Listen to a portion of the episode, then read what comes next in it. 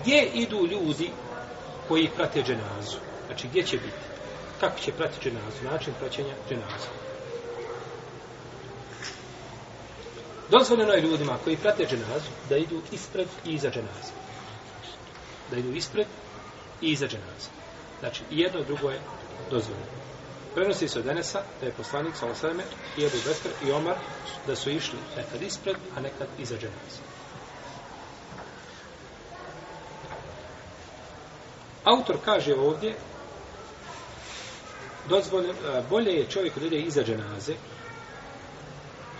jer su došle, kaže, e, to odgovara u stvari a, brojnim hadisima koji ukazuju na praćenje dženaze.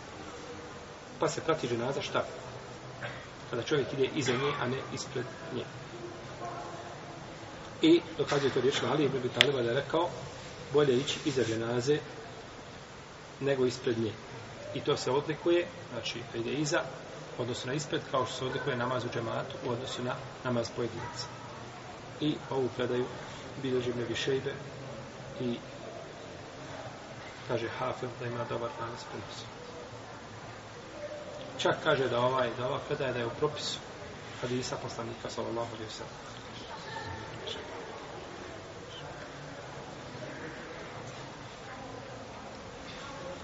I ovo je stav Euzaja, Jebu Hanife i Shak. Šta je stav? Da se ide iza dženaze.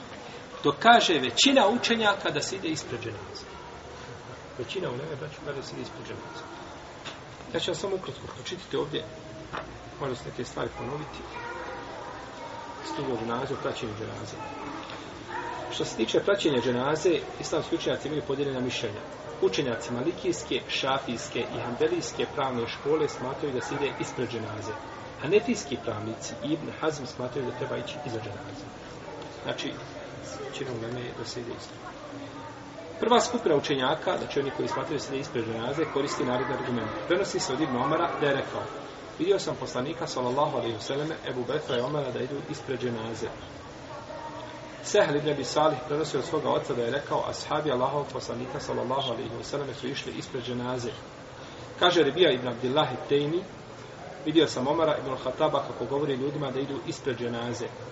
I Šam ibn Urva kaže, nisam nikada vidio moga oca, to jeste Urva Tejmu, ibn Zubeira, el Awama da ide ispred dženaze.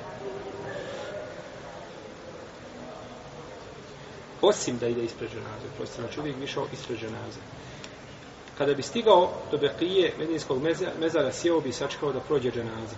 I ovo mišljenje zastupaju drugi ashabi tabina.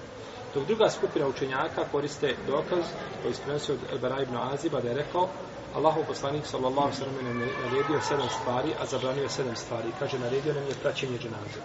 A kada je praćenje, onda bila kako? Izađenje. A to je praćenje. Ovi učenjaci koriste i druge vjerodostojne hadise koji govori o praćenju dženaze općenito. Znači, kako se spominje praćenje dženaze, to se misli da se prati iza. Jedna lojša je kaza da se pri dženaza prati, a ti ideš ispred dženaze, jel? Ibn Mesud prenosio da je poslanik sa osrame rekao dženaze se treba pratiti, a ne treba da je prate ljudi. Neka niko ne prelazi ispred dženaze. Hadis daji. Hadis daji. Da se oponira poslanik koji sa osrame uputi da je išao nekad ispred dženaze. Hadis i praksi ashaba. I ovi učenjaci koriste također analogiju pa kažu bolje je da ženaza ide ispred tebe da ti gledaš u nju, tako ćeš se više posjeći da hireta nego da ženaza ide za tebe a ti ne gledaš u nju. I to ima svakako svoga mjesta. Međutim, vidimo da su oba dva znači mišljenja osnovana da imaju svoje argumente, tako da nema smenje praktikovati jedno ili drugo, a najbolje je kombinovano kako kaže Enes ibn Malik, vidio sam Allahov poslanik, sa osam je bude sve omrlo, su ponekad išli ispred dženaze, a ponekad iza dženaze. Znači, kako god čovjek da praktikuje ispravno je, ako se u jednoj sredini praktikuje suprotno onome a, što se isto tako može praktikovati, onda je bolje čovjek da praktikuje kako praktikuje šta? Ljudi u njegovoj sredini, da se ne razilazi. Idu ljudi iza dženaze, nemoj ići ispred dženaze. To jeste sunnet. No, međutim, isto tako što se radi je sunnet. Najbolje je da se praktikuje kombinovano, no međutim, ako se praktikuje jedno, bitno je ono da što se radi je sunet. I ako je tako, ne smeta da se radi tako da se praktikuje sunet. A na nekom drugom mjestu čovjek može živjeti sunet, hajde bere. U svakom slučaju, a, oživljava se sunet tamo gdje se umrtvi. Da. Uvede se bidat, pa se radi po bidatu, a ostavi se šta? Sunet. E tada čovjek treba raditi po sunetu da ljudima pokaže šta je sunet. Ali ljudi rade po sunetu i ti tada dolaziš i praviš zbrku, to je neispravo. To je neispravo. Dozvoljeno je ljudima koji prate dženazu da je prate na jahalicama, danas na auti, autima je svakako da je prate, no međutim u tom slučaju idu isključivo iza dženaze. Ne idu, šta? Ispred dženaze. Jer se prenosi da je poslanik sallallahu alejhi ve sellem rekao kako bliže je budavu i termizi sa ispravnim lancem prenosilaca a kaže jahač ide iza dženaze a čovjek koji hoda želi, ako želi ispred, ako želi iza dženaze. Znači, ovo je još jedna potvrda, ali iz kodebu da ovdje tenizije, da opet čovjek može znači ima pravo izbora da ide ispred ili iza dženaze. No, međutim, bolje je čovjeku znači da ide pješice. Ako može ići pješice, to mu je bolje i to je preče, jer je tako uglavnom učinio Allahom poslanik sam Allah sebe. Kaže se oban, u predaj koju bliži je Budavud i imam Ahmed i Bejheqi,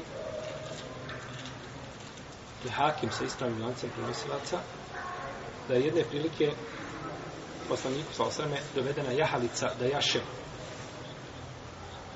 dok je pratio ženazu, pa nije htio. Pa kad je završio sa ženazom, uzjahao je i vratio se. Pa se pitalo, Allaho posljedče, nisi htio prije ženaze, a posle ženaze su uzjahao. Pa kaže, ženazu su pratili meleki. Kaže, pa su hodali, a mene je bilo, stidio sam se da ja jašem, a da mi je hodio da nije jahao poslanik sallallahu alaihi wa sallam. Pa kad su, kaže, otišli, onda se uzimali.